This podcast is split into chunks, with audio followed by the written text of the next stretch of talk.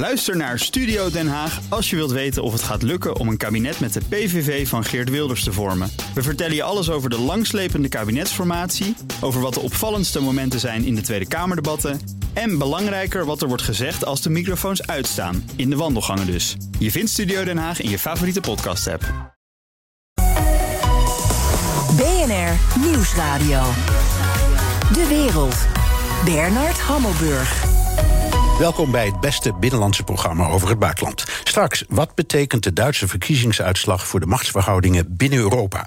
Daarover praat ik met hoogleraar Europese geschiedenis en integratie Mathieu Segers.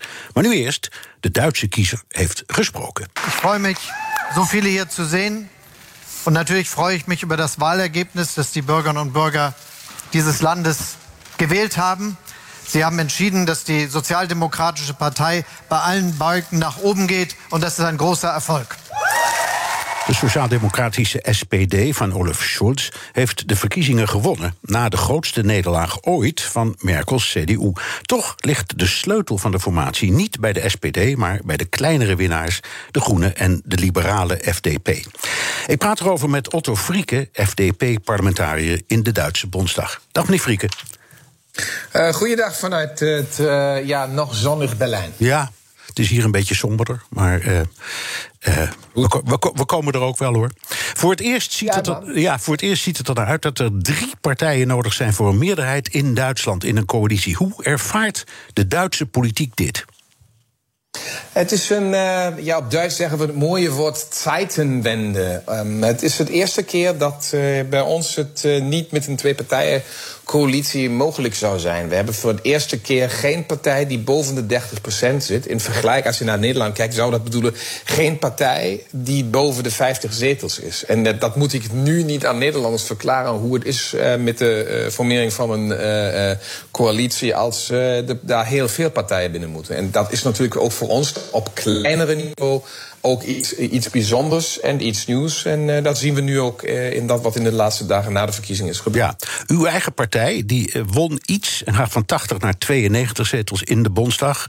U en blijft de vierde partij. Bent u daar tevreden mee? Nou, vraag een politicus of hij tevreden is uh, als er nog meer mogelijk zou zijn. Nee, um, natuurlijk had ik graag nog een beetje meer gehad um, om in zo'n derde positie te komen. Maar we moeten zien, dat is het eerste keer dat mijn partij, de Liberalen, en dat is echt uh, een verschil met Nederland, de eerste keer twee keer achter elkaar uh, meer dan 10% had. En dat is toch een, een, een, voor ons partij heel belangrijk.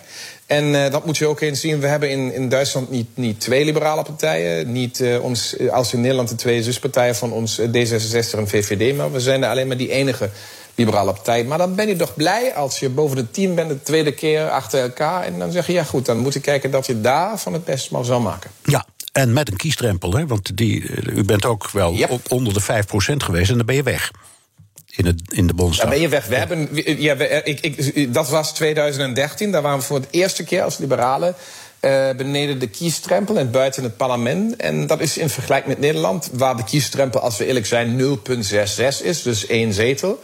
Um, is dat natuurlijk echt niet eenvoudig. Want als je eens buiten het parlement bent, dan is dat toch echt uh, gevaarlijk voor een partij. Was het ook, maar we kwamen in 2017 weer in het parlement. En, en dus, dus nu ook weer.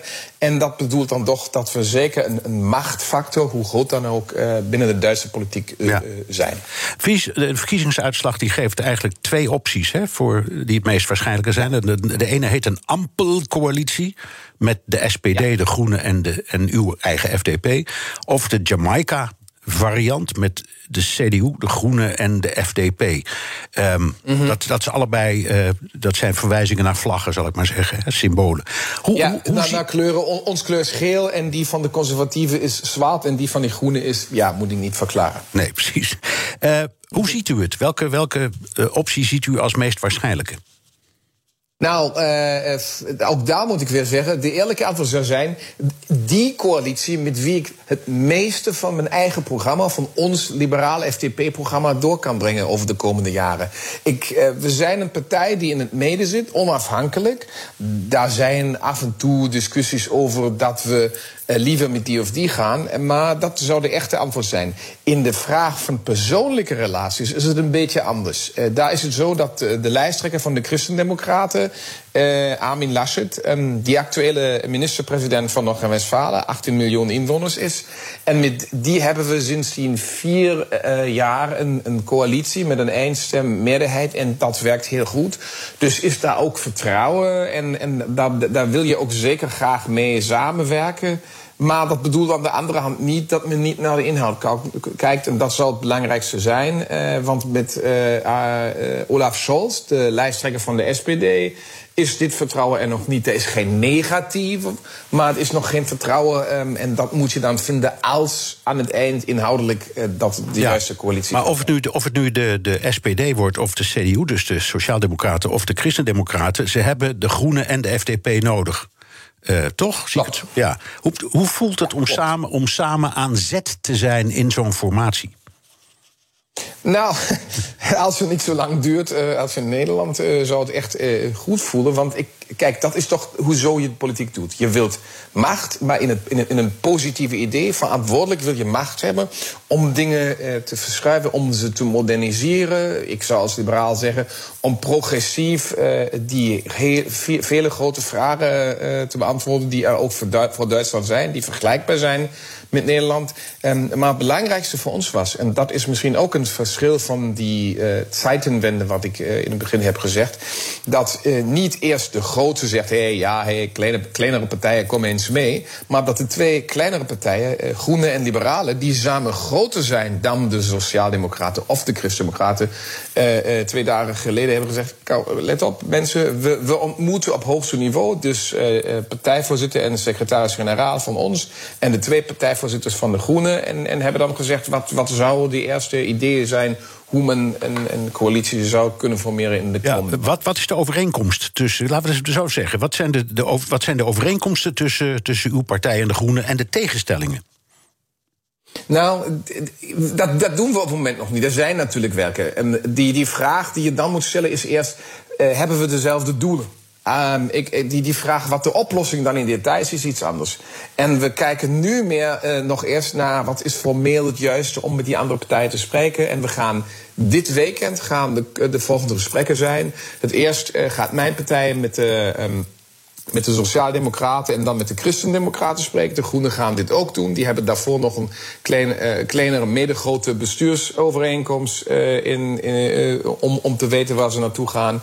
En dan gaan we daar de eerste contactgesprekken hebben. En dat is alles nog een soort van ja, informateurstijd, zou je in, in, in, Nederland zeggen. Maar we hebben in Duitsland niet die rol van een informateur of van een formateur. Daar zijn we dan toch de jongere en niet zo traditionele democratie. Maar in de doelen, ja goed, uh, dat weten we ook. Dat zijn ook hetzelfde als in Nederland, de drie grote D. Dat is demografie, dat is digitalisering, waar we echt slecht zijn. En dat is decarbonisering, dus CO2. En daar dan te zeggen, dat zijn de doelen, daar moeten we naartoe. Op welke manier, dat gebeurt dan later. En dat, maar dat zijn op zichzelf kwesties waar u het met de Groenen over eens bent. Als u zegt wij zijn samen groter dan elk van die twee grote partijen, dan moet je over dat soort ja. principiële zaken op één lijn zitten.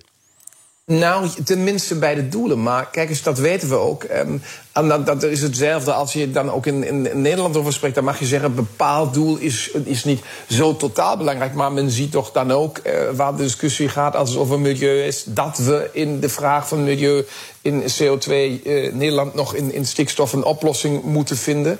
Niet de vraag wat dan de, op, de oplossing is. Dat is een discussie die duurt zeker wel langer. Ja. Het is niet, uh, niet zo van politiek van oké, okay, goed, gaan we samen, daar, daar, daar zijn doelen. Oplossing vinden we later tijdens de, de legislatuur. Dat gaat natuurlijk niet werken. Maar we weten, we moeten verschuiven. We hadden 16 jaar Angela Merkel. Ze heeft heel veel dingen goed gedaan, maar in heel veel dingen was het ook, waren we te langzaam. Hebben we niet uh, echt gezien dat de wereld uh, verder gaat. En, en, maar we, we blijven dan nog op oude manier. Ik zeg het symbolisch voor Duitsland is, is het fax. Duitsland is het land van het fax. Dat vind je daar nog overal. Ook bij de coronabestrijding. Informatie ging langs fax en niet langs internet. En eh, daar, daar, moet nog echt veel gebeuren. Er moet veel gebeuren. Dit is BNR De Wereld. Mijn gast is Otto Frieke, parlementariër in de Duitse Bondsdag namens de liberale FDP. Uh, eh, meneer Frieke, even over, over geld. Uw, uw partij staat bekend als een zuinige partij. Uh, ja. beetje, beetje gierige Hollander of zo. Hè? zeggen ze soms tegen mij, maar zeggen ze ook omdat ik uh, vaak verklaar hoe bepaalde dingen in Nederland opgelost worden. Maar, ik kan er goed mee leven. Ja, maar goed, eh, in hoeverre past dat in die, ik zal maar zeggen, informatieve fase van een coalitievorming? Ook daar weer. Wat zijn de doelen? Het eerste wat je, wat je moet weten is als je, als je daar in de richting van een mogelijke coalitie gaat te zeggen. Is, is, is, is dat uh, binnen de grenzen van, van, van de Europese uh, wetgeving over, over het stabiliteitspact? Is het over de vraag van uh, een, moeten we nu redens corona in de tijd na corona keihard zeggen meer investeringen ook van, van, van van de openbare kant? Of moeten we meer, als we naar die doelen kijken, naar demografie, digitalisering en decarbonisering, moeten we dan zeggen we moeten meer privé-investering hebben? Daar zijn wij een beetje, een beetje anders. Maar wat, men, wat we wel weten in Duitsland, is heel belangrijk dat in onze constitutie, ons, ons, ons grondwet, een zogenoemde schuldenrem staat. Die zegt hoeveel uh, in normale tijden, hoeveel, hoeveel uh, nieuwe schuld je mag opnemen. En, en dat is. Uh, duidelijk definieert. En daardoor heb je dan een grens. En dat bedoelt dan natuurlijk ook dat die gesprekken minder gaan over meer, meer, meer. Maar gaan over waar moeten we meer, waar misschien ook minder. En, en uh, daar in, in, in, in, op deze manier dan een, een oplossing vinden. Ja. En ja, dat is dan een einddetail. Want dan gaan heel veel van die vakpolitici zeggen... ik heb een goed idee, dat is nog een goed idee, daar is nog een goed idee. Maar dat blijft dan altijd uh, binnen deze uh, regels die we hebben en onze constitutie. Ja, het, het gaat allemaal, u, u, en ik praten nu echt over de inhoud. Hè? Dus, en de, daar waar, waar Duitsland mm -hmm. zich... In Nederland zie je dat de formatie ook enorm draait om personen en ego's. Uh, dat hebben we gezien. Uh, nou ja, er is dan allerlei nieuws over. Hè. D66 dat eindelijk bijdraait en zegt... we willen dan toch wel met de ChristenUnie onderhandelen. Dat gaat niet zozeer ja, om... die oude coalitie, ja. Ja, die oude coalitie. Maar dat gaat niet alleen om de principes van de partijen... maar dat gaat ook over de personen die elkaar niet of wel liggen. Hoe zit dat in Duitsland? Ja, het is, op het moment is het een beetje minder. Natuurlijk hadden we de laatste 16 jaar met een, met een steeds sterker wordende rol van Duitse politiek... is merken uh, ook zo'n beetje wat van uh, andere mensen in de achtergrond. Nu is het zo'n beetje zo dat men natuurlijk kijkt uh, welke personen zijn er en, en heeft Jan Modaal vertrouwen in die persoon, ja of nee. En daar had je kunnen zien, zelfde discussies, en daar geloof ik is ook een beetje nog een vergelijk, er zijn verschillen. Maar die, die verkiezingen waren heel veel bij de uitslag over de vraag wie is een leider. Dat had je kunnen zien bij de vraag van Sigrid Kaak aan, aan, de meer linkse kant van de politiek in Nederland, vind ik. En, en natuurlijk bij Mark Rutte als, als minister-president. Bij ons was dat dat die mensen hebben gezegd dat uh, Olaf Scholz als minister van Financiën, dus de tweede in de Duitse regering, daar ook een, een soort leider is. Um, en, en dat Armin Laschet, hoewel minister-president van 18 miljoen mensen, uh, niet zo het imago van een leider heeft. En, en daar, daar zitten dan die verschillen. En het, ja, het gaat nu echt veel over de vraag, natuurlijk ook van personen. Maar ik geloof het bijzondere is dat um, Olaf Scholz, uh, ons leider Christian Lindner en de twee leiders van de Groenen. Um, Habeck en uh, Annalena Baerbock hebben gezien... we moeten ons ijdelheid in, in, de achtergrond laten... want anders denken de mensen het gaat over ons en niet over inhoud. En, en dat werkt tot nu toe, toe heel goed. En kan ook een oplossing zijn. Um, ik, ik, ik, vond bij, bij al die um, gesprekken in Nederland, als je daarnaar kijkt, en dan ook beetje, dat doe ik altijd, kijk, wat gaat goed in Nederland en wat, wat gaat mis.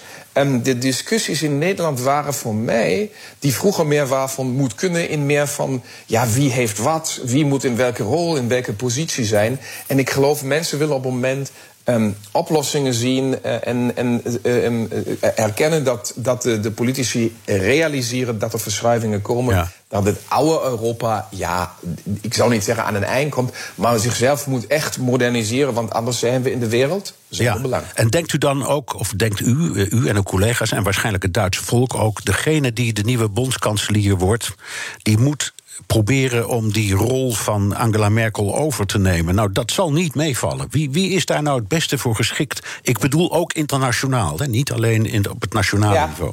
Snap, snap ik. Snap, en ik geloof als.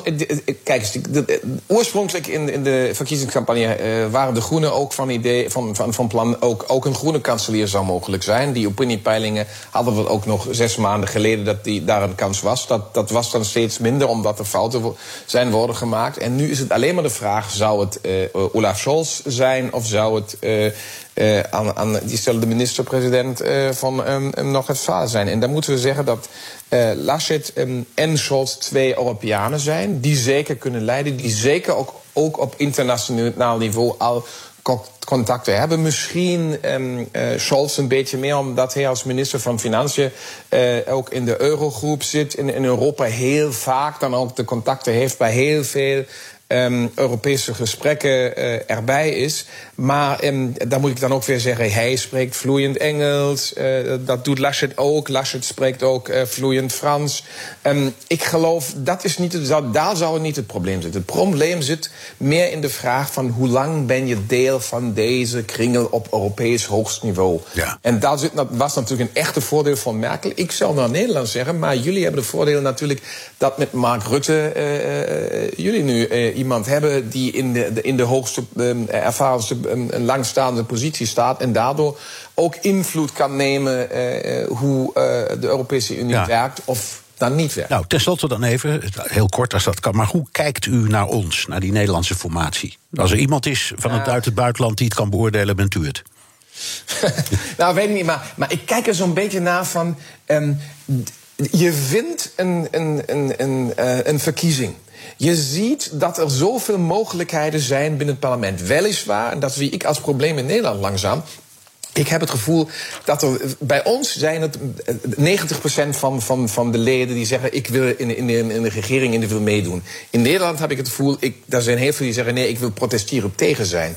Dat, maar dan moet je leiderschap laten zien. En als je door leiderschap wordt gekozen in, in, in, in zo'n positie om een coalitie uh, op te bouwen, dan moet je die ook nemen. Dat is dat wat mensen op het moment hebben verwachten. Die zeggen: het wordt steeds compliceerder. En daar ben ik een beetje wat van ja, daar is een beetje wat van het Nederlandse pragmatisme is weg. Het wordt vaak zo'n beetje ideologisch. Steeds meer links-rechts discussies. En ik had gedacht, ja oké, we Duitsers zijn achteraan in deze discussie. Op het moment, vind ik, uh, was dan Nederland te veel in die plaats. Maar ik geloof als het dan uh, in het regeren gaat, dat het dan weer teruggaat in, in, in deze, deze pragmatisme, waardoor Nederland vaak snelle en betere oplossingen vindt dan Duitsland. Dank. Otto Frieke, FDP-parlementariër in de Duitse Bondsdag. Postma in Amerika. Tijd voor het Amerikaanse nieuws door de ogen van onze correspondent in Washington, Jan Postma. Jan, Democraten en Republikeinen zijn allemaal non-stop aan het onderhandelen daar in Washington, tenminste, dat zou je denken. Maar er was gisteravond ook een honkbalwedstrijd voor congresleden. Ja, dat is een uh, traditie. Democraten tegen de Republikeinen. En, en het uh, National Stadium, dat is het, grote honkbalstadion hier... dat, was, uh, dat, dat zat toch behoorlijk vol. was een paar jaar geleden er zelf ook bij. Echt een leuk sfeertje, heel gezellig. Heel veel mensen van, van Capitol Hill. En, en er wordt gewoon... ja, dat, dat is gewoon één grote picknick eigenlijk. Maar dit jaar toch ook wel gek, door de timing. We kijken al dagen gespannen, of in sommige gevallen wat minder gespannen... naar die dreigende shutdown. Nou, het lijkt dat die er niet gaat komen... Maar ook naar Bidens infrastructuurplan en zijn grote sociale plan. Uh, het Witte Huis wordt platgelopen de afgelopen dagen. Want dit is natuurlijk voor Biden heel, heel, heel belangrijk. Maar ondanks dat was Biden gewoon in het stadion. Oh, that's why we have a break. The president of the United States. Actual president of the United States. Not the racing president, folks. The actual president. Oké. Okay. Ja, ja, ja, ja, ja, ja, want je hebt altijd die rondrennende uh, mascottes, weet je wel. Die mannen in pakken met grote hoofden uh, bij het honkbal. En dat zijn in Washington zijn dat dus presidenten. Uh, George Washington en Lincoln, die types. Nou, daar stond Joe Biden even tussen. Hij omhelsde Pelosi. En je hoorde wel gejuich en ook wat boegeroep. eensgezindheid is er nog niet echt. en ja, er werd al gegrapt, hier zijn ze wel bereid to play ball. in tegenstelling tot bij die onderhandelingen. Maar Biden moest wel een beetje oppassen. Want terwijl de, in de dugout iedereen was afgeleid door hem, was een republikein aan slag. Democrats were trying to get caught up. Wow, this is a long. Greg Stubbe with the Greg first Stubbe. pitch and the first swing is going to be a home run. Stubbe out of the ballpark into the left field bleachers. Stubbe with the very first offering from Pete Aguilar swings and sends it to left field and out. while everybody's milling with the president, they played baseball, and Stubby wants to bring the attention back to the field. Ja, een homerun uh, voor de Republikeinen. Dankjewel, Joe. En dit was de eerste homerun het stadion uit in 40 jaar. Ja, deze honkbalwedstrijd wordt al sinds 1909 zo georganiseerd. Het is voor het goede doel. Maar ook om de sfeer leuk te houden op de debatvloer. En dat kunnen we dit jaar wel een beetje gebruiken, toch? Ja, zeker. Uh, sinds die bestorming van het Capitool is de sfeer echt heel slecht. Corona ook natuurlijk. Veel ruzie over mondkapjes, vaccinatie, dat soort dingen. Uh, dus er werd bij Democraten ook wel wat gefronst. Toen bleek dat de, nou, ik mag wel zeggen, berucht Marjorie Taylor Greene, Republikeinse, meedeed uh, bij de Republikeinen. Die maakt uh, graag ruzie over al die onderwerpen. Even een voorbeeldje van zo'n ruzie. Dit was vorige week op de trappen bij het congres. Luister vooral naar de toon, daarna leg ik het uit. Are you kidding me? Try being a Christian and supporting life. Try being a Christian and try support life. Decently. Ja, dit ging over abortus. Ze schreeuwen naar elkaar. Uh, Democraten Betty McCollum stond bovenaan de trap. Zo is de sfeer op dit moment echt niet gezellig. En er zijn veel meer voorbeelden. Republikeinen en Democraten die leven in grote delen van Amerika echt langs elkaar, praten niet met elkaar. Maar ja, in het kapitool moeten ze wel samenwerken. En dan is even afreageren met honkbal dus uh, niet slecht. Toch speelden al die lopende onderhandelingen nog wel een rol in dat stadion? Ja, de dingen spandoeken van demonstranten. Uh, democraten verprutsen dit niet. En dat ging niet over de honkbalwedstrijd. Onze levens zijn niet een spelletje. Zorg dat die 3500 uh, miljard er komt. Dat grote plan van Biden. Er werd ook Build Back Better gescandeerd, ook door democraten. En er werd ook gewerkt hoor. Biden en Pelosi die hingen geregeld aan de telefoon. Dan zag je ze weer druk handgebarend bellen. En Biden deelde ook ijsjes uit aan democratische congresleden en republikeinse spelers ook. Het is een beetje retail politics daar in het stadion. En ja, misschien helpt het. Uh, ik, ik, uh, in 2015 uh, ging Obama ook al eens naar dit stadion. Toen wilde hij Nancy Pelosi overhalen hem te helpen. Zat hij daar ook in, ineens. toen hielp dat. ja, nu wordt het misschien wel wat moeilijker. Ja. Jan, belangrijkste wedstrijd van het jaar. En de belangrijkste vraag: wie heeft gewonnen?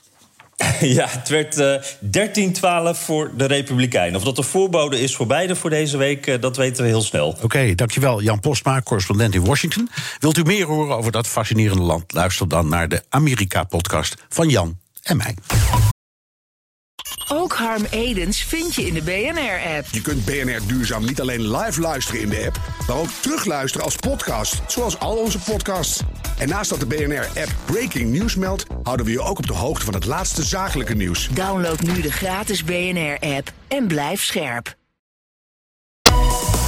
BNR Nieuwsradio. De wereld. Bernard Hammelburg. Naast de winst van de SPD viel het grote verlies van het CDU op bij de Duitse verkiezingen. Maar wie er bondskanselier wordt, dat is nog niet zeker. Bij mij is Europa-correspondent Stefan de Vries en we hebben ook alvast contact met Mathieu Segers, hoogleraar Europese geschiedenis en integratie aan de Maastricht University. Dag Mathieu.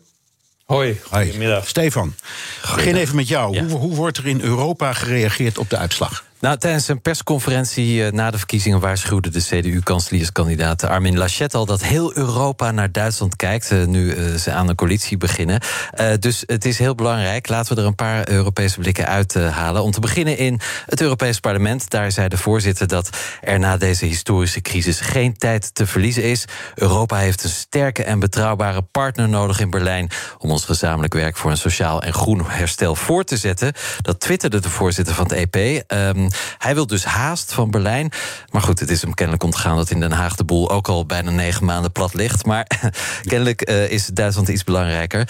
Als we dan uh, wat uh, inzoomen naar de lidstaten, naar Frankrijk natuurlijk. Want als eerste, want zonder de Duits-Franse as is Europa eigenlijk niet zoveel.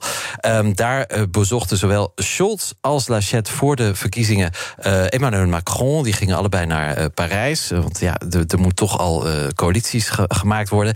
Um, Frankrijk zei dat de stabiliteit gewonnen heeft. En de Franse minister van Europese Zaken, Clément Beaune, hij zei: uh, Onze naaste buur hecht veel belang aan gematigdheid, stabiliteit en continuïteit. Nou, voor, tot zover de clichés. Uh, maar hij zei ook: Ik denk dat we informele gesprekken tussen de Duitse politieke partijen en ons nu al moeten beginnen, zodat we elkaar leren kennen. En ja, dat is natuurlijk een interessante reactie. Dat er eigenlijk nog voor de formatie willen de Fransen al gesprekken met de eventuele partners. Ja, ik begrijp dat ze met elkaar flirten, dat is logisch. absoluut. Ja. Eh, hoe zijn de reacties aan, in de zuidelijke staten? Ja, dat is interessant natuurlijk, omdat uh, ja, iets zuidelijker Spanje, Griekenland, Italië, daar wordt Duitsland toch uh, vaak beschouwd als de nemesis. Hè, de boeman met de rekenmachine, met de kaasschaaf die, die alle hervormingen doordrukt in het zuiden. Nou, daar zijn de reacties ook gematigd positief. Spanje is bijvoorbeeld ja, behoorlijk blij. De premier Pedro Sanchez, die is ook een sociaaldemocraat, net als Olaf Scholz. Hij was blij met de overwinning van zijn Europese partijgenoot. En ook Spanje wil nu nauwere banden met uh, Duitsland. Uh, Sanchez zei: We hebben nu de mogelijkheid om verenigd te zijn in de kleur en de richting van onze regeringen. Uh, dat zei dus de Spaanse premier. En ja, dat vind ik interessant, want daar zie je dat net als de Franse reactie, eigenlijk dat nationale politiek ook steeds meer Europese politiek aan het worden is. Hè. Je had je 40 jaar geleden natuurlijk niet voor kunnen stellen dat een lidstaat zich zou kunnen gaan bemoeien met de politieke beslommeringen in een andere lidstaat. Uh, dus dat is heel erg door elkaar verweven. Dus over het algemeen ja, zijn de hoofdsteden ja, gematigd positief. Uh, ze zien in Scholz toch ook wel een soort voortzetting van Angela Merkel. Ook al is dat dan een andere partij, de SPD. Maar goed, uh, Scholz zit natuurlijk al heel lang in de regering. Minister van Financiën. Uh, Duitse politieke partijen zijn over het algemeen pro-Europa. Weten hoe Europa werkt. Dus wat dat betreft ja, verandert er misschien niet heel erg veel. Nee. Uh, Mathieu Segers, hoogleraar Europese geschiedenis en integratie in Maastricht University. Zie jij dat ook zo, zoals Stefan dat net zei? Die verandering, die draai die je binnen Europa ziet plaatsvinden? Ja, een belangrijke uh, contextfactor daarbij is nog uh, de brexit. Want doordat de brexit heeft plaatsgevonden ondertussen... Zijn die leden die over zijn, en met name Frankrijk en Duitsland... in, in de Europese Unie nu zonder de Britten... die zijn op elkaar aangewezen. En dat zorgt voor een soort natuurlijke druk op die Frans-Duitse as... om nu op een aantal grote dossiers te gaan leveren. En in die agenda past iemand als Olaf Scholz heel erg goed. Stefan zei het al, hij was vicekanselier, dus hij in zekere zin continueert hij de pro-Europese politiek van Merkel. Maar hij staat ook voor een aantal nieuwe agendapunten die heel erg uh, urgent en actueel zijn in de context die ik schetste. En dat is bijvoorbeeld de sociale dimensie, waar hij altijd aandacht voor vraagt in die Europese integratie. Daar zijn de Fransen heel blij mee, dat deze SPD-man dat iedere keer ook op de agenda zet. En dat uh, heeft ook te maken met de opstelling van de Europese Unie in de internationale economische verhoudingen. Want daarin wil de SPD met Olaf Scholz en Duitsland, denk ik, wat meer gaan uh, uh, afbewegen van de oude mantra's rondom globalisering. En wat meer gaan denken aan ook um, ja, wat, wat liberalen al snel protectionisme zullen noemen, maar wat meer bescherming van de Europese markt. En ook daarmee zijn de Fransen blij. Dus we gaan wel een, een, een herpositionering zien, denk ik, als Scholz die, uh, die nieuwe Duitse regering gaat, gaat leiden rondom die Frans-Duitse as met een strategische agenda voor Europa. Stefan, hoe, kijkt, hoe kijken de verschillende hoofdsteden naar de toekomstige verhouding Duitsland-Europa? Ja, dat is uh, wel interessant, want eigenlijk uh, iedereen kijkt naar Duitsland hè, in deze verkiezingen. Dat zei dus ook Armin Laschet. Um, en daarmee wordt dus eigenlijk impliciet erkend dat Duitsland de baas is. Of, of dat we eigenlijk niet om Duitsland heen kunnen in Europa. Uh, iedereen lijkt het er wel over eens dat hoe sneller Duitsland een regering heeft, hoe beter dat is voor Europa. Nou, dat kan nog wel een paar weken duren. Waarschijnlijk niet maanden en maanden zoals bij ons. Op 21 en 22 oktober is er weer een Europese top in Brussel van de regeringsleiders. Het, denk dat het aannemelijk is dat dat echt Angela Merkels laatste top zal zijn. Want ze is nu natuurlijk een soort van demissionair. Um, en dan in december wellicht een top met de nieuwe Duitse. En dus eigenlijk ook de nieuwe Europese bondskanselier. Dus uh, er, is veel, uh, er wordt veel verwacht van Duitsland. Maar ondertussen kijkt iedereen, ja, wacht iedereen af. En als het uh, stoplicht op groen gaat, of afhankelijk van de coalitie in Duitsland misschien wel groen, geel, rood. dan kunnen we weer door met het opbouwen van Duitsland. En dan komt de volgende etappe natuurlijk weer aan. De Franse verkiezingen in april 2022. Ja, het is, de, de EU is een, is een bondgenootschap van democratieën. Dus ja, ja daar ja. heb je af en toe verkiezingen. ja. Dankjewel. Europa-correspondent Stefan de Vries. Wilt u meer horen over de Europese politiek? Luister dan naar BNR's Europa-podcast... met Geert-Jan Haan en Stefan de Vries. Mathieu Segers, um, Angela Merkel is nog even bondskanselier. Moetie Merkel wordt al gezien als de leider van Europa. Hoe interpreteer jij de uitkomst van de Duitse verkiezingen? Ja, het is toch, toch een hele verrassende uitkomst. Dus er zijn een aantal dingen interessant. Um, de flanken die heel erg het debat bepaald hebben in de aanloop naar de verkiezingen, zowel links als rechts in Duitsland, AFD als Die Linke, die hebben allebei verloren. Dus er is een, uh, in de laatste weken toch een soort tocht van de Duitse kiezer naar het midden uh, geweest. Daardoor is het midden, uh, zou je zeggen, overeind gebleven, maar wel op een hele bijzondere manier voor Duitsland, namelijk in een situatie waarin eigenlijk geen enkele van de grote partijen nog een echte grote machtspositie heeft, zoals we gewend waren, met name van het CDU-CSU uh, de laatste jaren. En ze dus samen moeten gaan werken met, uh, met meer dan één partij, hoogstwaarschijnlijk in een drie-partijen-coalitie. Dat is wel uh, opzienbarend. Ja. Dan nog. Ja, ja. Dat, dat is wat Otto Frieke zo, zojuist in de uitzending het Zeitwende noemt. Hè? Ja. Ja. ja, precies. Dat is echt voor de Duitsers iets, iets heel bijzonders. Dat is een factor die er ook voor zorgt dat ze onzeker zijn. Want dit is natuurlijk nieuw terrein voor de Duitse politiek. En ook dat verklaart een beetje waarom er zo'n hang is naar stabiliteit. En waarin, waardoor men ook dus op zo'n Olaf Scholz, die eigenlijk echt staat voor het continueren van een aantal grote lijnen, um, ja, waar, waarom men daar zoveel vertrouwen aan hecht. En dan speelt er nog iets, Bernhard, dat vind ik wel belangrijk om te zeggen. Stefan de Vries zei net heel terecht: Duitsland is misschien wel machtiger dan ooit geworden onder Merkel in Europa en dus ook in de wereld. En dat is denk ik inderdaad waar. Maar daar een hele specifieke Duitse reactie bij. Want Duitsers willen graag niet al te machtig zijn. Dus als zij heel machtig worden, en dat is nu inderdaad gaande, dan willen ze dat compenseren door zichzelf te binden. Omdat ze bang zijn voor die macht vanwege hun geschiedenis, met name de eerste helft van de 20e eeuw. En dat binden van zichzelf, dat doen ze altijd via de Europese integratie. Sinds bondskanselier Konrad Adenauer dat in, uh, in de ja. jaren 50 heeft ingezet. En dus zul je zien dat een toename van de macht van Duitsland gepaard zal gaan met een intensivering van de Europese integratie. Ja, dat, dat, dat denk ik ook eigenlijk. Uh, wat je ook ziet door de geschiedenis van het moderne Duitsland heen, eigenlijk al ja, vanaf Willy Brandt is altijd die neiging met de Oostpolitiek en zo. om ook een soort van brugfunctie te vervullen tussen het Westen en, en Rusland. Hè? Ja. Uh, en ja. Dat, dat zal wel zo blijven, als ik jouw woorden goed begrijp. Nou, Wie het dat, ook wordt. Nou, dat wordt nog, als, als het Scholz wordt, zal dat nog extra worden aangezet. Want dat is een echt SPD-agendapunt. Je noemt het terecht Willy Brandt, dat is ja. de grondlegger van de zogeheten Oostpolitiek. Dus de opening naar het oosten en een soort middenpositie van Duitsland. Maar Duitsland zal die middenpositie alleen willen innemen in een heel sterke Europese Unie. En zal daar dus ook in investeren parallel. Ja, ja. Scholz wil een coalitie met uh, uh, SPD, Groenen en de liberale FDP. Um, wat zou dat betekenen als hij, dat heeft duidelijk zijn voorkeur, uh, als, wat zou het betekenen voor het buitenlandbeleid van Duitsland? Ja, dat is nog best wel uh, moeilijk te zeggen. Ik, ik, ik denk dat uh, uh, het zou betekenen dat Duitsland wel een voorbeeld gaat zetten op een aantal dossiers. Want zowel de liberalen als de groenen die hebben eigenlijk best wel ambitieuze buitenlands buitenlandagenda's. Alleen die passen vrij slecht op elkaar op een aantal cruciale punten. Bijvoorbeeld uh, de manier waarop de Europese Economische en Monetaire Unie moet worden vormgegeven. Maar ook als het gaat om de opstelling ten opzichte van globalisering.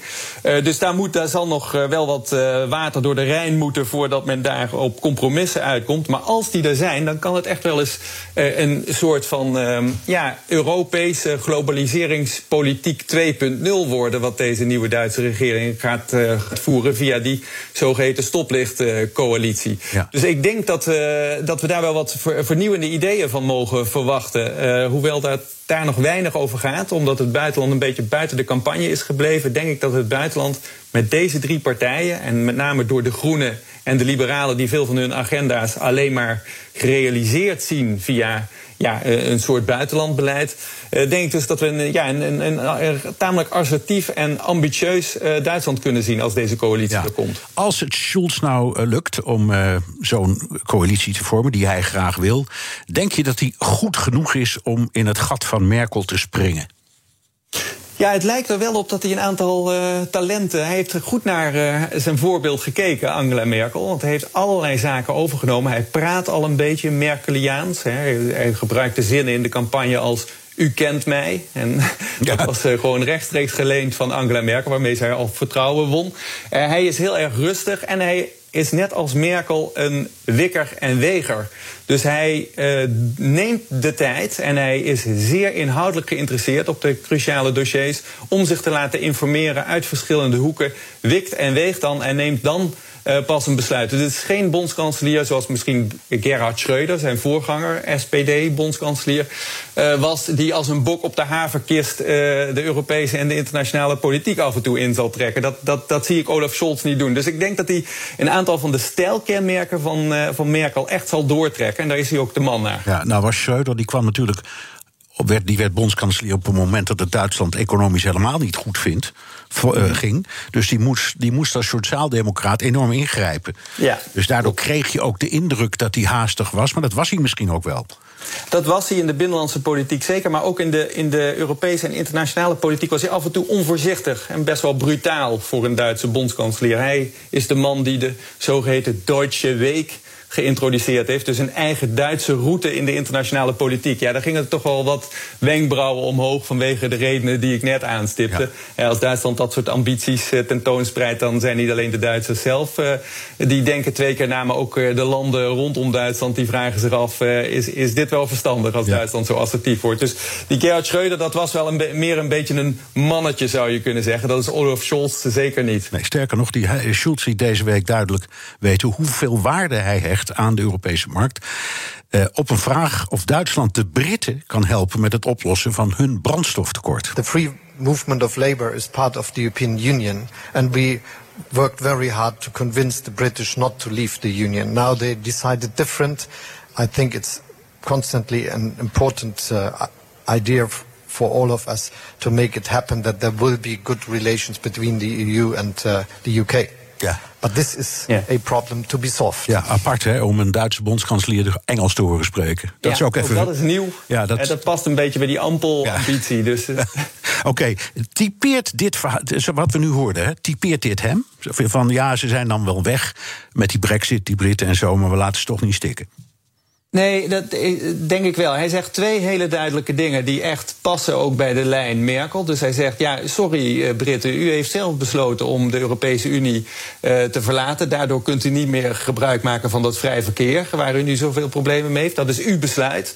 Maar, zegt hij, dus dat is als het ware een harde mededeling... van dit is je eigen schuld, dikke bult. Maar aan de andere kant zegt hij... en, daarmee bedient hij een heel belangrijk uh, gedeelte van het Duitse electoraat... dat toch anglo-saxisch gericht is, zeker in het, uh, in het bedrijfsleven... en bij een potentiële coalitiepartner als die liberale FDP. Uh, de, hij zegt tegelijkertijd, ja, de Britten blijven wel onze vrienden. Hè. Dat is in principe een hele uh, belangrijke partner in de internationale politiek en ook in de Europese politiek. Dus we blijven open om te zoeken naar optimalere oplossingen voor de huidige situatie. Dus ja, uh, ja dat is een, een, combinatie van duidelijkheid en betrouwbaarheid die heel erg ook past bij ja. wat, wat Merkel heeft gedaan. Ja, en dan laten we ze niet zonder benzine zitten, daar komt het op neer. Nee, ja. misschien niet. Nee. Nou, even, even door de ogen kijken van Frankrijk. Um, ja. Want dat ziet natuurlijk toch een kans hier. Ja. Uh, zo sterk als Mer Merkel zal de opvolger niet meteen zijn. Uh, Frankrijk wordt uh, voorzitter van de EU voor een half jaar. Ja. wat gaat Frankrijk nu doen? we hoorden al net van Stefan dat, dat Macron met beide potentiële nieuwe bondskanseliers heeft geflirt. Ja. hoe, hoe zie jij nu de rol van Frankrijk? Nou, heel cruciaal. Dus uh, Frankrijk is uh, niet alleen voorzitter van de Europese Unie, maar gaat, zoals Stefan ook al zei, toe naar de verkiezingen dit, uh, dit voorjaar, het voorjaar van 2022. En de president die die verkiezingen moet winnen is Emmanuel Macron. En die is de vorige keer gekozen natuurlijk op de tonen van de negende symfonie van Beethoven. Hè, met de meest pro-Europese ambities sinds decennia ja, van ja. een Franse president. En die consistente lijn zal hij willen doortrekken. En daarvoor dienen zich nu een aantal kansen aan. Behalve dat hij dat voorzitterschap heeft op het moment dat hij de verkiezingen in moet, heeft hij dus deze uh, nieuwe Duitse situatie. Waar kansen liggen inderdaad voor Frankrijk. Ik zei het net al, Brexit is een belangrijke component daarin. Maar ook uh, ja, die, die, die Duitse ambities met Europa, die zijn best wel serieus. En die sluiten op twee punten, denk ik, heel goed aan bij wat, wat Frankrijk uh, nu wil. Olaf Scholz zal naar die, ik zei het al in het begin, naar die sociale dimensie willen kijken. Ook vanuit zijn SPD. Agenda. Dat is iets waar Frankrijk al decennia op hamert, met name in de eurozone. Van het moet niet alleen gaan om financiën en economie. We moeten ook de sociaal-economische componenten meenemen. Dus daar kan uh, Macron wind in de zeilen ontwikkelen voor zijn eigen agenda. Maar nog belangrijker is de aankondiging via de voorzitter van de Europese Commissie, Ursula von der Leyen, tijdens haar State of the Union eerder in september.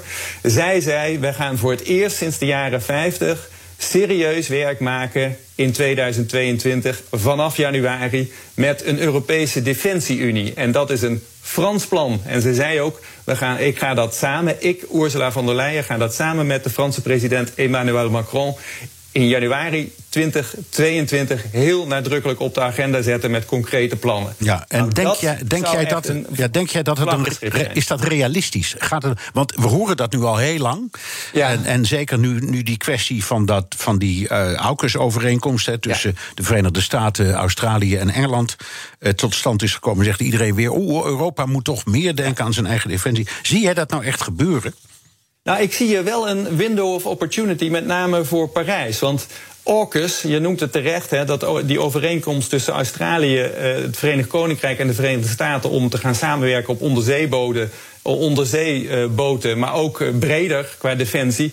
Daarop heeft de Franse eh, regering natuurlijk gereageerd als door een wesp gestoken. Heel erg boos ambassadeurs teruggetrokken, grote rel in de internationale media. Maar dit is ook eh, politiek heel slim wat die Fransen doen. Want natuurlijk waren ze boos, want ze zijn, zoals dat in goed Frans heet, genaaid natuurlijk met deze deal. Nou ja, het kost, kost, het, het kost dus ook 50 miljard Het eh, kost dus euro. ook heel dus, veel ja. Maar tegelijkertijd, en dat is een belangrijk punt wat vaak over het hoofd wordt gezien, is dit een blessing in disguise. Want hier blijkt voor de Franse agenda. Want hier blijkt vanuit Frans perspectief, kijk, wat wij altijd al zeggen, blijkt nu in de realiteit. De Anglo-Saxische wereld is één wereld. En wij, Europeanen, zijn een andere wereld. Nou, dat hebben de Anglo-Saxen hebben nu eigenlijk die situatie zelf gecreëerd door AUKUS. De eh, Franse president Macron zal dit echt helemaal uitbuiten om te zeggen: kijk, dit is de doorslaggevende reden waarom dat wij ons eigen lot in handen moeten nemen als het gaat om defensie in Europa. En dus, wij hebben het plan klaar liggen. Laten we dat nu een keer echt van de grond trekken. Ik, ik hoor de woorden van Charles de Gaulle weer galmen hè, over dat, dat Ja, het Anglo-Saxische complot. Poep, Had hij, daar heeft hij zelfs de toetreding van het Verenigd Koninkrijk eh, tot de EU op grond daarvan een paar keer tegengehouden met de veto. Dus dat is een beetje hetzelfde geluid. Je kunt die Amerikanen eigenlijk niet vertrouwen. Is dat, is dat Nou, je, het, het zijn partners. Hè, het zijn, en zoals Charles de Gaulle altijd zei over de Britten, vieux amis. Het zijn oude vrienden. Maar het zijn geen vrienden met wie je in het Europese integratieproces gaat samenwerken. Want da- daarvoor lopen de belangen te ver uit elkaar. Ja. En ehm, je hebt helemaal gelijk. Eh, eh, Emmanuel Macron zit in zekere zin ook op die gaullistische lijn, waarin hij zegt. Europa moet voor zichzelf kunnen opkomen. En dat kunnen we alleen als we verder gaan met samenwerken. En dat kan niet met de Anglo-Saxen erbij. Want die zorgen ervoor dat die samenwerking juist verwatert en hun kant optrekt. En we moeten, het Duits-Franse as moet het, eh, moet het voortouw kunnen nemen. En ja, dat, eh, dat zullen we zeker gaan zien. Ik denk dat Emmanuel Macron met hernieuwde energie en met zijn hyperactieve minister van Europese Zaken, Stefan noemde hem al. Clément Boon.